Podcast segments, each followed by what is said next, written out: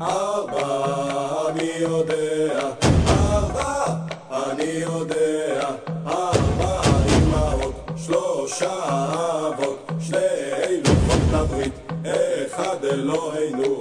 the background, we hear a rare recording from 1989, stored in the Israel State Archives. It is perhaps the only video documentation of the general rehearsal for Echad Miyodea by Ohad Naharin from the Jubilee Bells show for the 50th anniversary of the State of Israel. It is a documentation of the general rehearsal because the dance was not performed in the show itself, in what came to be called the Gatkes incident. Gatkes is long johns in Yiddish.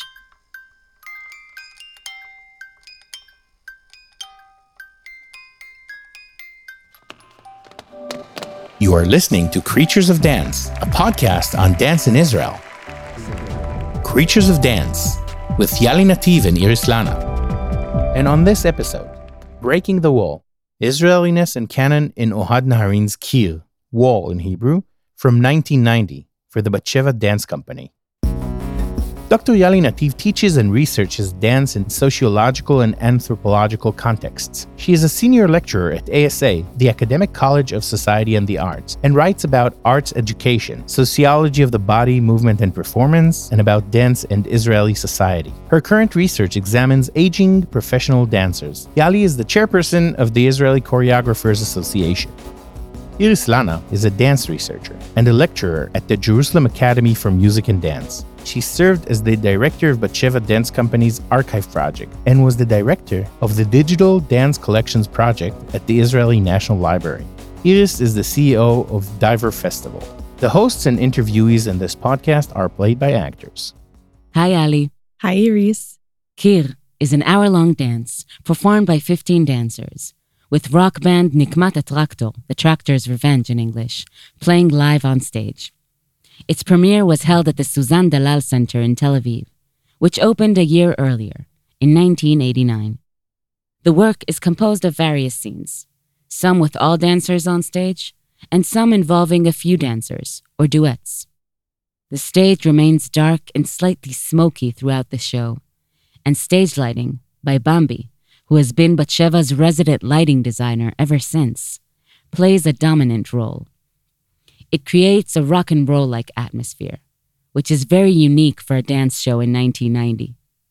The dancers' bodies are wild, seemingly unprofessional, not virtuose in the normal sense of the word.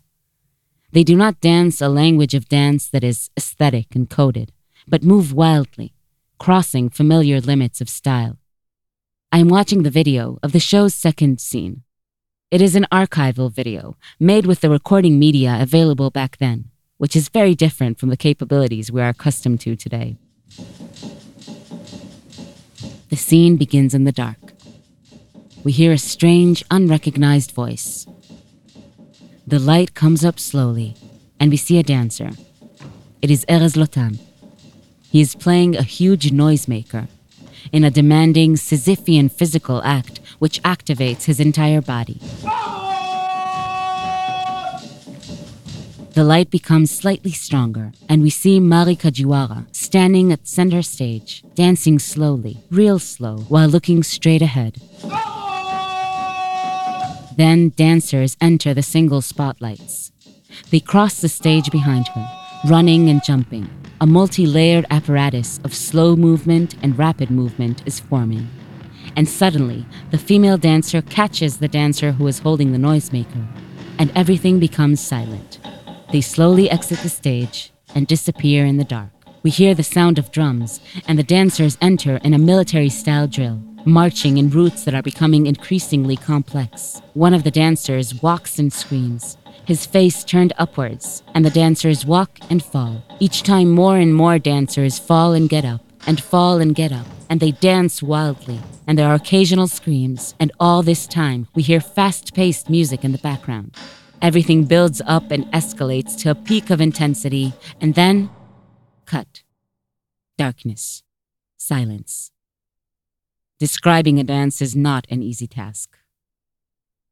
We dedicate the first episode of our first podcast series about dance in Israel to choreographer Ohad Naharin, and to the revolution he started in Israeli dance since his appointment as artistic director for the Batsheva Dance Company in 1990. Ohad Naharin, also known internationally as Mr. Gaga, is a world renowned choreographer with a rock star like status in Israel. So, what is happening in the dance scene of 1990? Some of the events occurring at the time have reshaped Israeli dance. First and foremost, the establishment of the Suzan Dalal Center in 1989 by the Dalal family and the Tel Aviv municipality under the direction of Yair Vardi. Before Suzan Dalal, there was no uniquely dance oriented stage, and performances were held in different venues in Tel Aviv, such as the Nachmani Hall, Ohel Shem, and the Bima.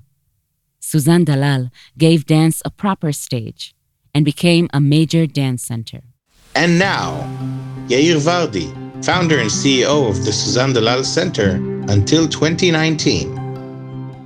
Several private and public elements joined forces here to create a dance center in Israel. The Batsheva Dance Company was looking for a home, and they found it in Neve Tzedek. At the same time, the Dalal family was looking for a way to commemorate their daughter Susan, passed away at the age of 26. They vetted libraries, hospitals, synagogues all over the world, and nothing seemed right. During one of Susan's mother's visits to Israel, her brother in law, Zeev Sokolovsky, invited her to see an empty, deserted building, the former Alliance Francaise School for Boys. She went to see it in the evening by herself, stood in front of it, and said, The Suzan Dalal Center for Dance will be built here. I immediately decided it would serve all the different dance communities in Israel. But Batsheva certainly deserves a place of its own, and it was, and still is, a main entity around which many things evolve. Batsheva is one of the most acclaimed dance companies in the world, and we are honored to have it here. But alongside Batsheva, which performed multiple times a year, we were building the foundations for the contemporary Israeli dance scene we did not have then what we have today. We had Batsheva, we had the Kibbutz Dance Company up north, the Israeli Ballet, and there were some smaller companies. But there was no established, dynamic, creative dance activity in Israel. There were also very few venues. There was not much going on. I formulated two courses of action.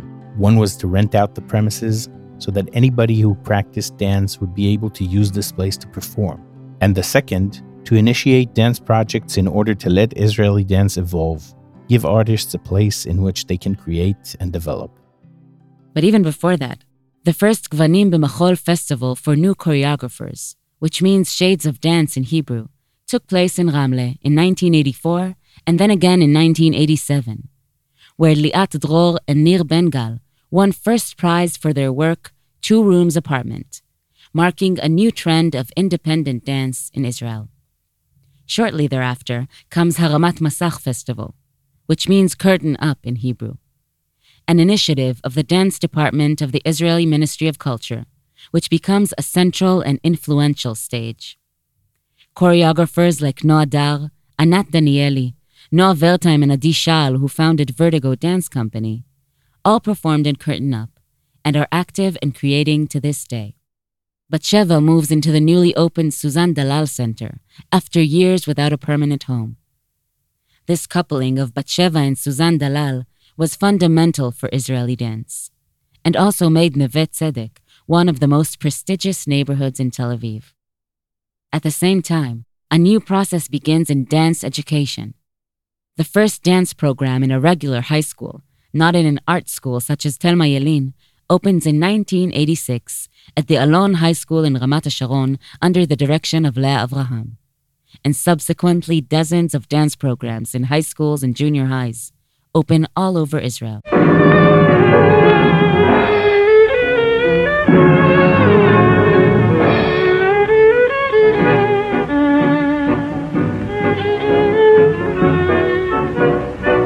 And now, an archival document. I am holding the program for Kir, meaning wall, from June 1990, and I'm going to describe it for you. Its size 23 by 23 centimeters, about the size of an A4 sheet of paper. The cover has a humoristic title Which Wall? What Batsheva? Why Tractor? It is 12 pages long and provides some details about the work. It contains the usual information credits for the composers, dancers, and administration personnel of Batsheva.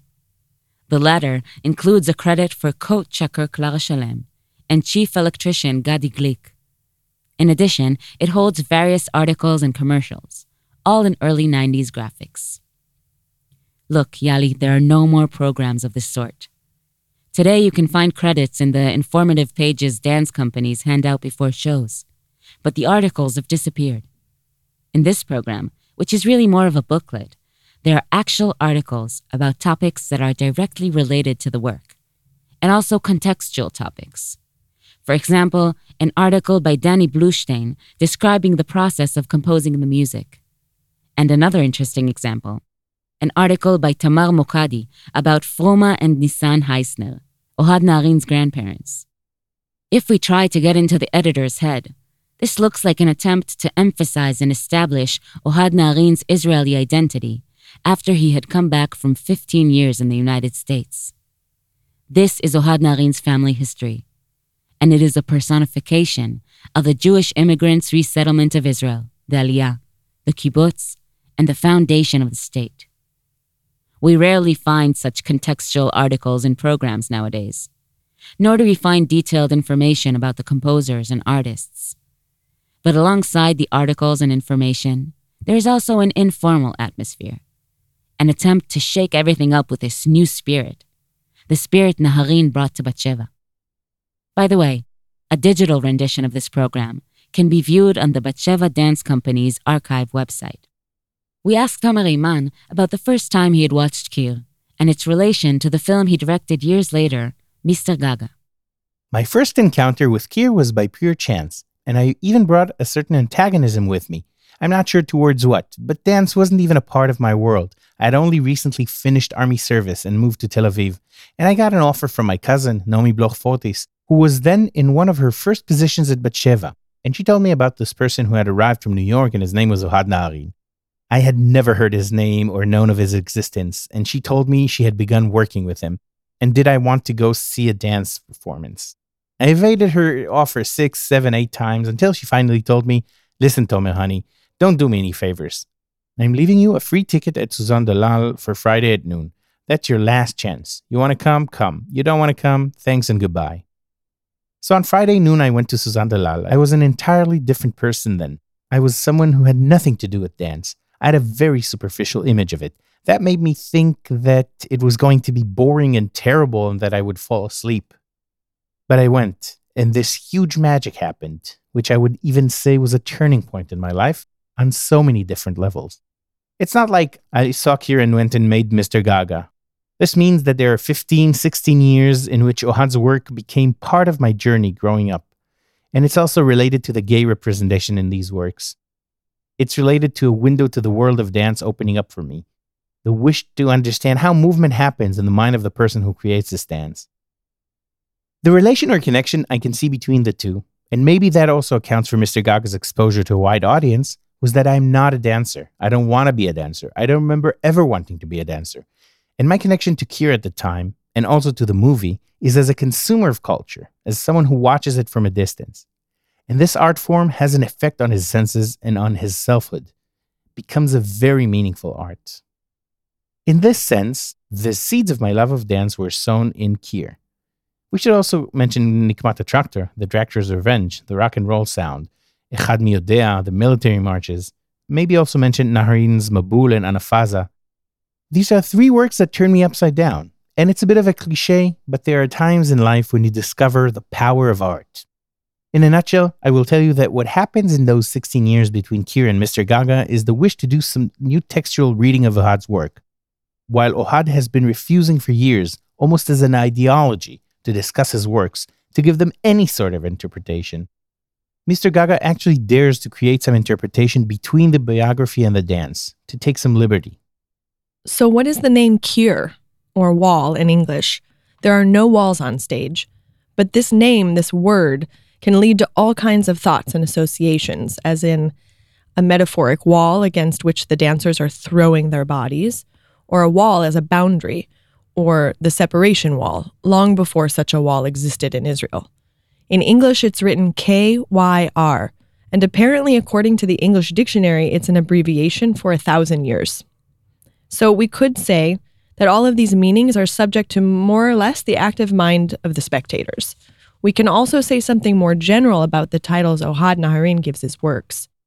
As we know, Iris, most of his titles are abstract and enigmatic, holding some ambiguity or even mystery, like Sabotage Baby, Anafaza, or Virus by Ohad Naharin. This is Talia Paz, a dancer who participated in Kir. Later on, she danced with the Cullberg Ballet, and today she is the artistic director of the School of the Arts of Dance at Seminar Kibbutzim College in Tel Aviv. I don't think Ohad ever stopped and asked us, the dancers, to sit down and explain why he had chosen that name. But it's a fact. It works. It has been working for 30 years. Avi Beleli, musician and music producer, a member of Nikmat Traktor Band, recalls. Sure, why is it called Kir or Wall? Because our guitarist Ofir Leibovich said one night, as we were talking about how to open the show, we'll do a wall of sound. There was a term like that, talking about guitars. We immediately knew it was something that was very intensive. And Ohad asked, What is that? What did you call it? What is a wall of sound? So Ofir explained, It's like a guitar sound. You feel it like a separation between the audience and the stage. In the end, we did not do that because it was too intense. It would have been extremely strange to open with a metal style wall, certainly in Suzanne Dalal at the time in 1989. But we found our wall, and whoever knows Kir remembers it opens with a sound, and from the sound emerges a scream. This is why it is called Kir. The term wall of sound was invented by producer Phil Spector, one of the greatest producers of pop music from the 60s. He invented a technique of lacing multiple layers of sound, creating whole orchestras by combining and duplicating recordings. Back to Talia Paz. The work process for Kir was very exciting. Let's not forget that Ohad was a young choreographer who arrived at a rather colorless time for Batsheva, bringing with him something new and exciting. Choreographer with tremendous charisma, and working with him in the studio was certainly a memorable experience. I was a young dancer, barely over 19. And although I understood something new was happening, the full realization only came years later. Ohad brought Kir, a work that is deeply connected to Israeliness, to Israeli culture. You can say that Echad Mi who knows one from the Passover Agadah, is undoubtedly the most canonical part of this work his connection to the rock band Nikmat Traktor, the Tractor's Revenge, who was young and restless back then, brought so much energy and novelty. It all happened together in the studio. It was composed together. The movement and steps together with the music. Rehearsals took place at Suzanne Dalal, and it was truly exciting to come to the studio each morning. They lasted the entire day. He divided the work um, in the morning, we worked on group choreographies, and in the evening, on the individual pieces. Ohad also used the dancers' personalities, the characters that were in Batsheva back then. You can see it very clearly in Echad Mi Yodea, for example. In the sixth question, there was uh, Itzik Galili, who had a very jumpy quality to him, and he's the one who jumps on the chair each time.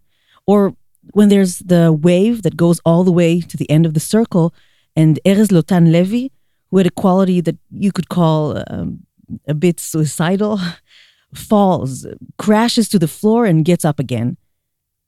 The costumes were khaki. Uh, we wore khaki shorts with t shirts in different colors and what's called a tembel hat, uh, an Israeli bucket hat. I think they were bought at the Carmel market or at the outdated Israeli brand Ata store. I think all the visual side wasn't yet as well formulated as it was later on, once Ohad started working with the costume designer Rakefet Levi. I remember looking for a shirt at the storage room. Um, what else do I remember? I remember the general rehearsals. It was Ohad's first collaboration with Bambi as lighting designer, and he invented something that was very interesting some sort of silvery stripes he taped on the stage diagonally, and they returned light from the stage upwards, creating these diagonal rays of light. And there were the lights at the front of the stage that are used to this day and called batshevot, literally batshevas. Back to Avi Baleli. In the first meeting, let us go back a little. We came into the studio at Suzanne Dalal and started playing Finale. We knew we had an idea that was good for two minutes, three minutes long, but what do we do next? This finale part was at least 10 minutes long, and we just improvised. Slowly, it evolved from rehearsal to rehearsal. Suddenly, we knew the movements. Ohad told us to pay attention, for example, if some dancer fell or turned around, that we should respond by adjusting our intensity or by changing the dynamics. That is, we had some keys that were sort of conducting our improvisation. What did the Israeli dance scene look like before Kir? People sometimes think Batsheva was founded by Ohad Naharin in 1990. So here is some history. Batsheva Dance Company was founded by Baroness Batsheva de Rothschild in 1964. There were no dance companies in Israel at the time, except Inbal Dance Theater. All dance activity was conducted by newly immigrant female artists, whose professional background was German Expressionist dance. Among them, we can mention Gertrude Kraus, the Ornstein sisters, and Dvora Bartonov as some of the better known choreographers of the time, but there were many others. The performances were called recitals, and naturally, there was no funding. No funding means there are no salaries for dancers, no money for equipment and set design, and the production value is very low. As a result, performances were scarce, and so was the audience, and everything was semi professional. Dance classes, which were based on improvisation, as this was the essential technique of expressionist dance, were held at the dance studios, and the dancers, mainly female, were selected ad hoc from among the students. In the 1950s, a few dancers, choreographers, teachers came to Israel and started to teach the methodic, intensive technique of Martha Graham and to create dances in her choreographic language.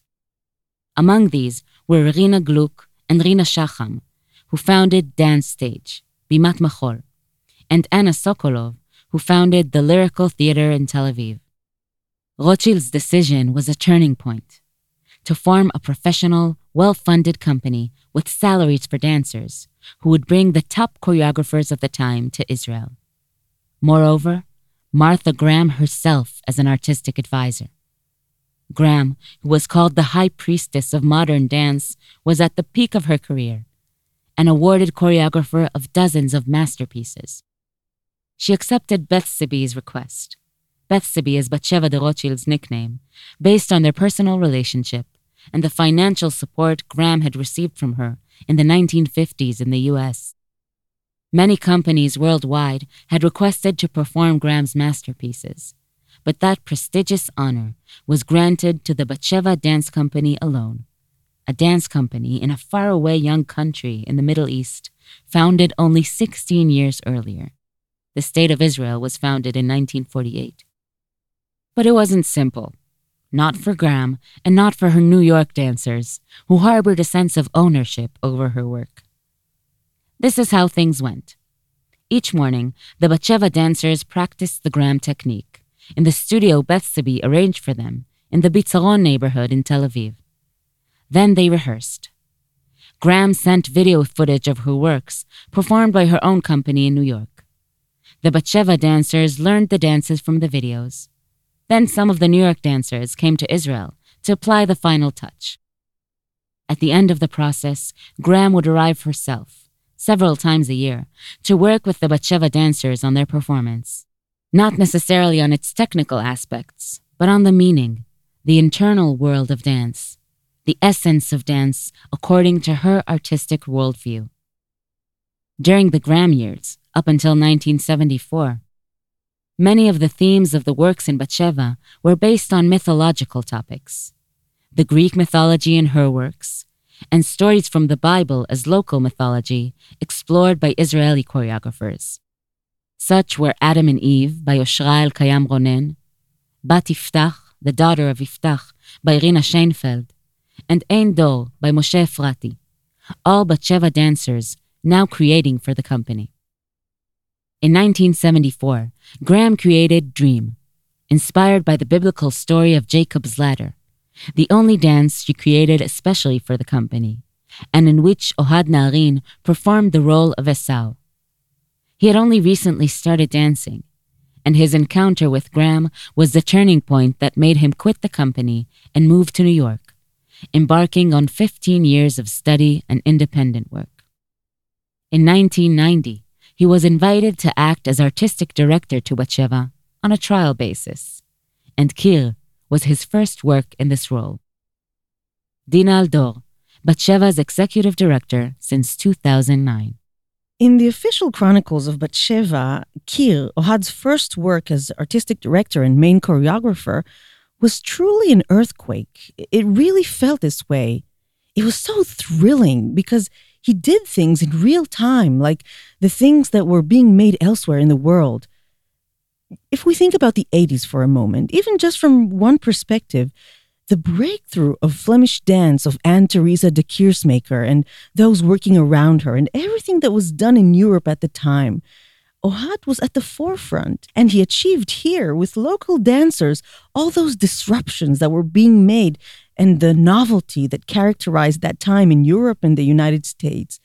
It was very thrilling, very exciting. Ohad, despite him saying that he doesn't refer to the place he's coming from or to all sorts of national stuff, his works are very local, and even Kir examines us from a different angle. In the end, that is what is so moving about art, isn't it? That it shows us the possibility of looking at things from a different angle. I want to reflect on what makes this work, Kir, so significant. What makes people talk about it in terms of a revolution or a new era? If we look at the prior decade in Batsheva, the 80s, we can see it had the greatest number of works created for the company if we compare it to what happened the years before. After Batsheva de Rothschild left and withdrew her patronage, the company was left with very little public funding. During this time, there were frequent replacement of artistic directors who invited young, and you might even say less expensive choreographers to work. The Batsheva archive tells us that 116 works were performed in the 80s, with Moshe Romano and David Dvir as artistic directors, both of whom also danced with the company at the time. Among the Israeli choreographers who were invited, you can find Siki Cole, Alice Dor Cohen, Igal Perry, and Yair Vardi, and other Batsheva dancers. We also see some well known American choreographers such as Robert North, Gene Hill Sagan, Robert Cohan, and Pearl Lang working with the company as well as some new local and international young artists such as Nir Ben Gal, Ohad Naharin himself, and New York based choreographers Daniel Ezralow, Mark Morris, and David Parsons, all of them on their path to becoming well known dance makers. It's worth remembering that the company's morning classes in the 80s were based on classical ballet. This is after two decades of very specific Graham training. The aesthetics of most of the works of this era were formalist and abstract as well, an incarnation of modernism. However, we can detect some of the very first signs of a search for novelty in dance language naturally introduced by this younger generation. Then, at the onset of the 90s, Kir brings something else different completely. I think it's perhaps the most narrative piece of Ohad's work. It is danced angrily, spitefully, chaotically, it has a rock and roll unrest, a stubborn streak, but also moments of softness and melancholy. It's noisy, ritualistic, and filled with Israeli symbols and representations. That's what makes it revolutionary. No more beautiful aesthetic movements. No more universal abstract ideas, but reality, hardcore. The bodies are real. The bodies move, they work, they suffer, they're in pain, they fall apart. In this sense, Kir is a postmodern work in essence because it breaks apart the traditional aesthetic ideals of modern dance. Having said that, what are the markers of Israeliness in this work, and what do they represent outside of this fictitious world of dance? Back to Avi Baleli. In our meetings, Ohad said the work was about nationality, society, community, and Israeli myths. I remember a lot of talk about the Palmach in those conversations. Palmach was an elite force of the underground Jewish army during the British Mandate. Now it's an entirely different Israel. We talked about the Palmach. To us, it was a symbol. There is a reason that Echad Miyodea is performed in khaki Palmach uniform. All of Kir, actually, is in this Palmach uniform. The year 1990 in Israel began a decade of turbulent events. The IDF retreat from Lebanon, the Gulf War, the Temple Mount riots, the Oslo Accords between Israel and the PLO, a peace agreement with Jordan, suicide attacks on buses and in cities, and the assassination of Prime Minister Yitzhak Rabin. I think Kir recognized the crisis of Israeli society. The dance gave a disillusioned view of reality, history, and tradition, and it outlined the future while expressing the great disappointment, fear, and despair of the time. Echad Miyodea, or Who Knows One, had become unprecedentedly famous and popular in Israel, taking its place in the cultural canon. It seems it had a life of its own. And since it's traveled far from its mothership, Kir. How did that come about? And why is that part of the canon? And what makes a certain work canonical?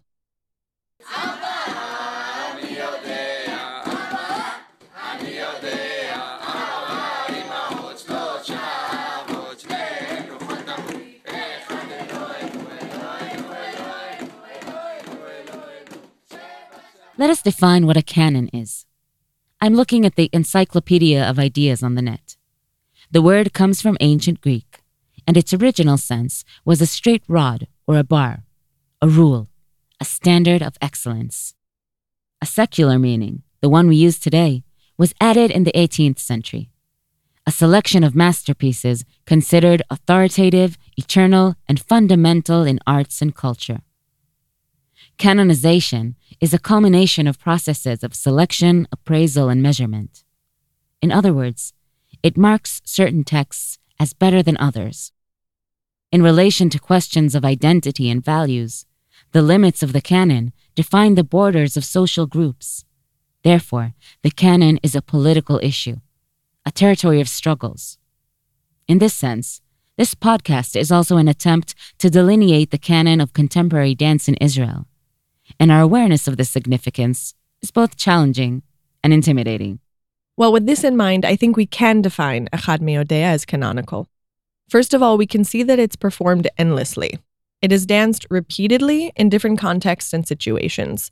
It's included in other popular works by Naharin, like Anaphaza and Decadence, and it reached its peak in 2014 at the event for Batsheva's 50th anniversary at the Opera House in Tel Aviv, when it was performed by 100 dancers. It was truly a spectacular sight. Passover Seder was a key topic in this conversation. Ohad had an idea of working on one of the Passover songs, and the truth is, we started with Ha Lachma Anya, another traditional Passover song.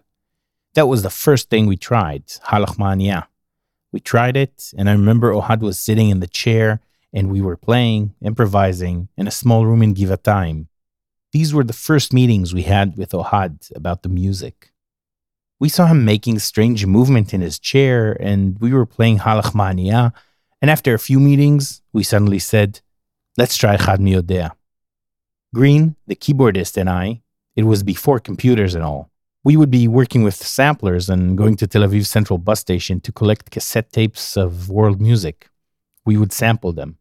And basically, the Echad Miyodea samples are from Afghan music. And there was a loop we really liked, a few percussion loops. And one of them is what everybody knows from Echad Miyodea.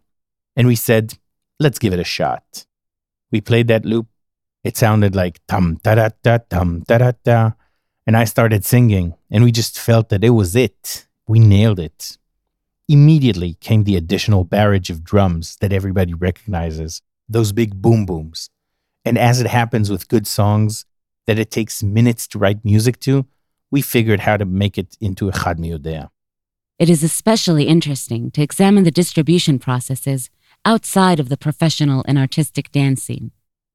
It can be said quite confidently that Echad Miyodea is the most popular dance that is performed in dance programs in schools in Israel, as well as in the graduation ceremonies of private dance studios.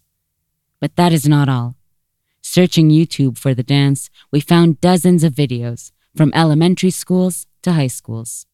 There's one video, for example, uploaded in 2012 by the Eli Cohen Elementary School in Kiryat Malachi in southern Israel. It has about 10,000 views, and it shows the pupils in Dance for Passover Echad Miodea. This is the title of the video. We see about 30 to 40 children, around seven or eight years old, many of them of Ethiopian descent, dressed in their everyday clothes. They're sitting on small gray school chairs that have been taken out of the classroom and rearranged in rows. The dance instructor, whose name is Siman Tov Sfaradi, is listed as the choreographer of the piece. She sits in front demonstrating the movements. The dance moves they perform together seem quite similar to Naharin's original choreography. They sit with their legs spread and move their back from side to side to the drum beat. They do the wave, the famous back movement of Echad Miodea. They get up together, sit down together, wave their hands above the chairs and walk around them, sit down and get up again. Here's another video, uploaded in 2015. Its title is Flash Mob Echad Miodea, Leah Goldberg School, Netanya. We see a community event. Parents and families, children, babies, grandparents, all of them holding cameras, of course. And in the center of the school's yard, boys and girls in junior high, dressed in black suits and white shirts, inspired by the 1993 version of Kir. They dance and sing Echad Miodea using black plastic chairs. And I ask myself, do any of them know the original dance? And does it even matter? How does dance get in? Dance gets in, you could say, through the expansion of new practices of memory in Israeli schools. We usually do not see dance in the canonical ceremony. Professor Edna Lomsky Feder is a sociologist in the Department of Sociology and Anthropology and the School of Education at the Hebrew University of Jerusalem. We spoke with her about ethnographic research she conducted in the late 90s on school ceremonies. The physical practices in traditional Israeli school ceremonies were extremely disciplined, militaristic, and masculine, so to speak. Practices that are more readily associated with the masculine voice. What we see is that from the 90s onwards, practices of dance are widely integrated. I worked on about 110 ethnographies of school memorial ceremonies. They were composed of around 40% dance practices. Now, for me, dance practice is incorporating a more feminine component into the ceremony, and that goes hand in hand. As military practices are cut down, dance gets more and more incorporated into the ceremony. And what do you think makes Echad Miodea so popular in school ceremonies? Popular? That's arguable. I think most dances performed before were usually very different from Echad Miodea. They're expressive, dramatic dances performed by women, girls. On that background, we see at the end of the 90s the entrance of Echad Miodea into this ceremonial scene and although I cannot say it floods the ceremonies, this performance is highly interesting for various reasons. But to answer your question, where does it enter? I think Echad Miodea is superficially perceived as easy to dance, as if it does not require virtuosity. Now, the incorporation of Echad Miodea is highly meaningful to me for several reasons. First, it introduces men into the dance scene. Until then, there were almost always just girls dancing, only female students. With Echad Miodea, boys enter too. They enter the ceremony as dancers. Secondly, it has a critical aspect in the sense that it actually takes apart that very military element, right? There is something very disciplined, organized about it, but it also takes it apart. So inside the dance, we have a direct dialogue, even a subversive dialogue, you could say, with the military practices. And while previous dances were expressive and more about mourning women, Echad Miodea incorporates a component of critique into the dance practice. It takes apart from within the elements of a disciplined military masculine body. And the last point is that there is an incorporation, you could say, of canon into the dance. In what sense? I think this dance is closely associated with Ohad Naharin. It is associated with Batsheva. and here, by the way, the different variation on Chad Miodea are very interesting to see, but the framework of the movements still exists. And it is very different if we compare it to other dances made usually for the ceremonies, which provide creative liberty to the school choreographer. And to put it gently, it operates on a continuum of dance that is not necessarily of superior quality. And this is all the more pronounced in comparison to the written texts used in the traditional ceremonies, because there are many canonical works with high standards of artistic quality, texts like poetry, for example, that are more sophisticated and considered high culture. Echad Miodea starts creating a certain balance inside the ceremony between the dance and the songs or poems. Another point is that there is an element of continuity here. While the dance is usually, as I had said, a local improvisation and expression of each school with no year to year continuity, and without this sort of internal dialogue that exists between the texts. That is, there is a very distinctive repertoire in the ceremony that creates continuity through the songs and the poems that are being recited, in the sense that there is some sort of a ceremonial language. Echad Miodea begins to create some sort of a canon of dance, which establishes a certain continuity in the ceremonial language of the Memorial Day ceremony. Echad Miodea has a choreographic structure, a semicircle of chairs along the whole piece, beginning to end. The circle is a fundamental component in choreography. It is a theme, a central motif, and also opens up a view of a historical timeline. In 2013, there was a comprehensive exhibition in the Israel Museum in Jerusalem titled Out of the Circle The Art of Dance in Israel. Curator Talia Amar defined the circle as a fundamental structure in Israeli dance. It is rooted in the adoption of East European folk dances as a social practice among the Jewish pioneers of the Second Aliyah in the first decade of the 20th century. These young socialist Zionists, most of them men, exchanged the Hasidic dance of the diaspora for the Hora, a folk dance originating in Romania.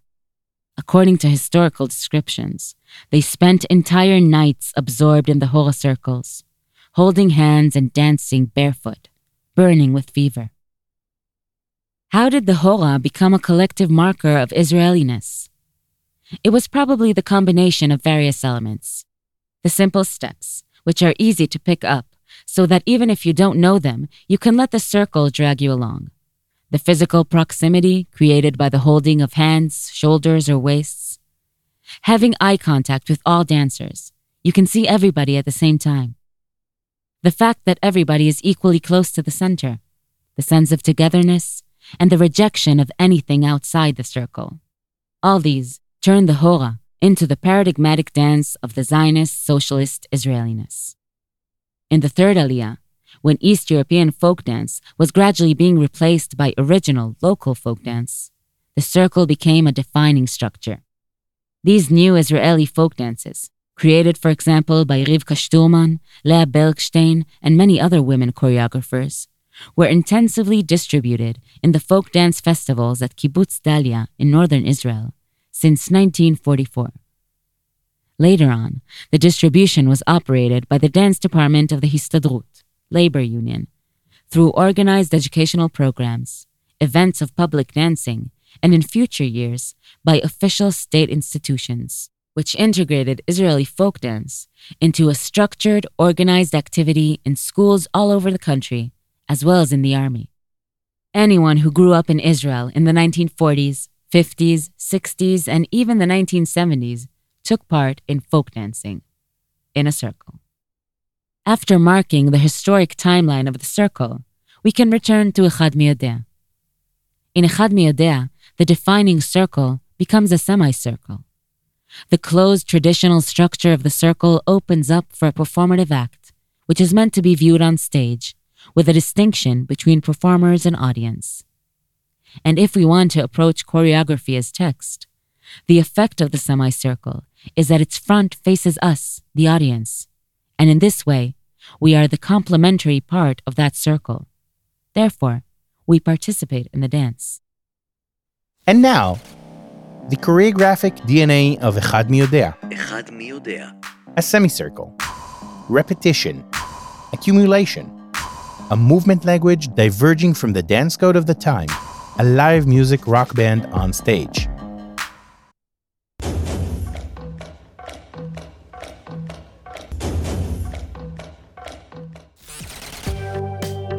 The Deputy Minister of Housing, Meir Porush, demands that the participation of the Batsheva Dance Company in the Jubilee Bells show for Israel's 50th anniversary be cancelled, or that the piece Echad Mi Yodea, in which the dancers are to go on stage in underwear, be modified.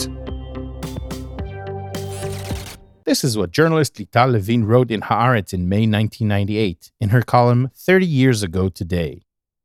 We spoke to Nomi Bloch Fortis, who is currently the executive director of the Mekudeshet Festival in the Jerusalem Season of Culture. Nomi was the co artistic director and general director of Batsheva Dance Company until the end of 2009. She spoke with us about how the dramatic events of the Jubilee Bells affected the company. So I think that one, the company's ethos stood up in all its might and glory and became significantly stronger. The core value of creative freedom and freedom of expression and artistic freedom, which has probably accompanied Batsheva since its foundation. The rebellion of the first dancers against an artistic director several decades before the events emerged in all its power from the dancers and the entire team, and in fact, led to the dramatic culmination of this crisis. I think it was such a defining experience for an organization that it was even passed on to the next generations who never experienced Jubilee Bells or were a part of it.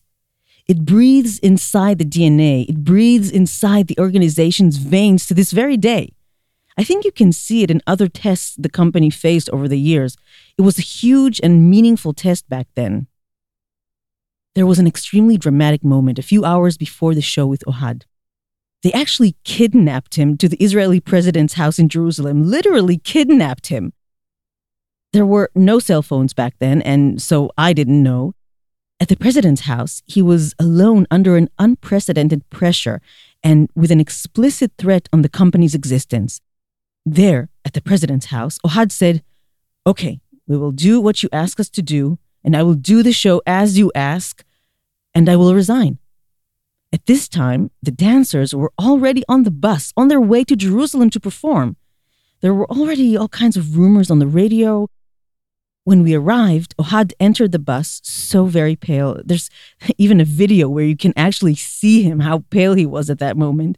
And he told the dancers exactly what it was about. He said, They put a lot of pressure on me. I decided that we would do it as they ask, but I'm resigning. And then all the dancers jumped up and said, We resign too. And I jumped up and said, I resign too. We are not going to perform. We don't care what happens.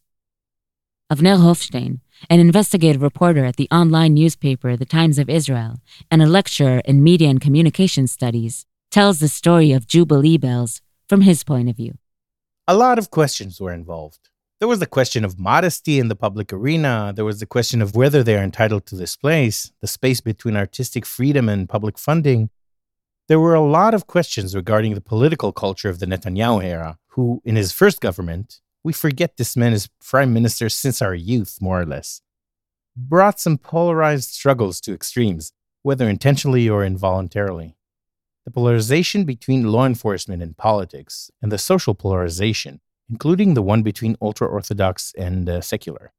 In that context, it was interesting to see how the non institutionalized ultra Orthodox media, I'm not even sure there was an institutional uh, ultra Orthodox media at the time, saw this act of a supposed attempt of forcing Batsheva on the Jubilee event as an opportunity to examine secular society, which they perceived as degenerated, uh, escapist, hedonistic, and uh, corrupt in the sense of the last days of Pompeii.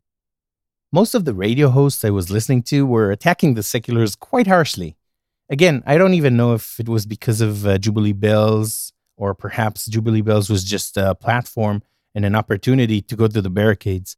In this context, you could, of course, uh, see, for example, how Israel's Independence Day, is celebrated by secular society, or as the secular and religious society perceives it, as a vacation day with no religious significance, but rather a civilian one, how much the ultra Orthodox communities are estranged from these feelings.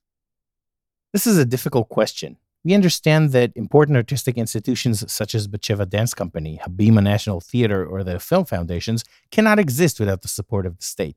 It's not like in the United States where you have a potential audience of more than 300 million people.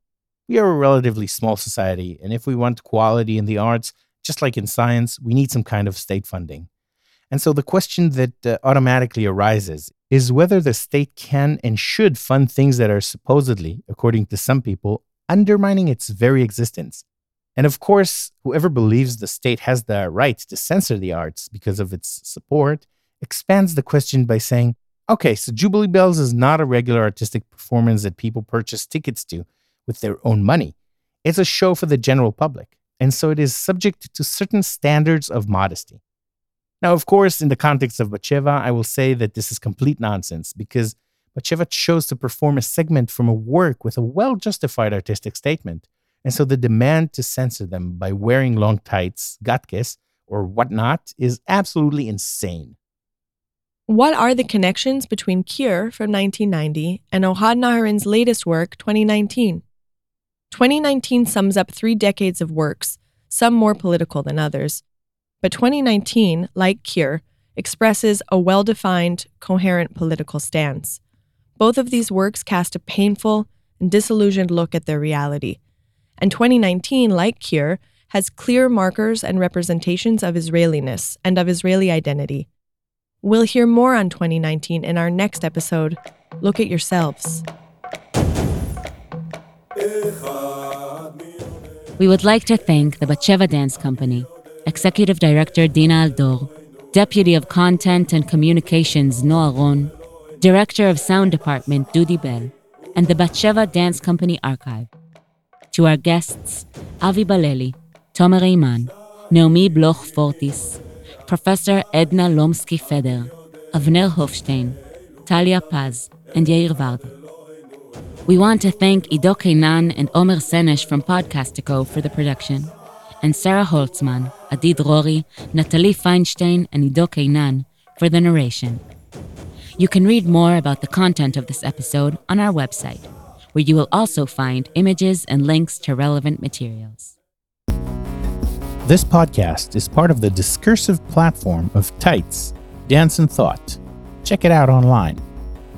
It was produced in collaboration with the Cultural Diplomacy Bureau at the Israeli Ministry of Foreign Affairs and supported by the Israeli Choreographers Association and the Israeli Ministry of Culture and Sports. Music by order of appearance. Echad Mi Yodea, and an instrumental track from Kir, Nikmat HaTraktor, and Ohad Naharin.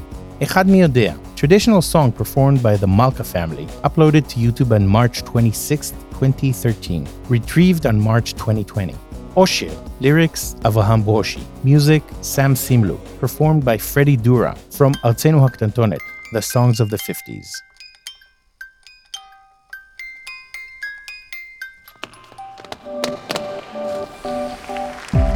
Creatures of Dance with Yali Nativ and Iris Lana.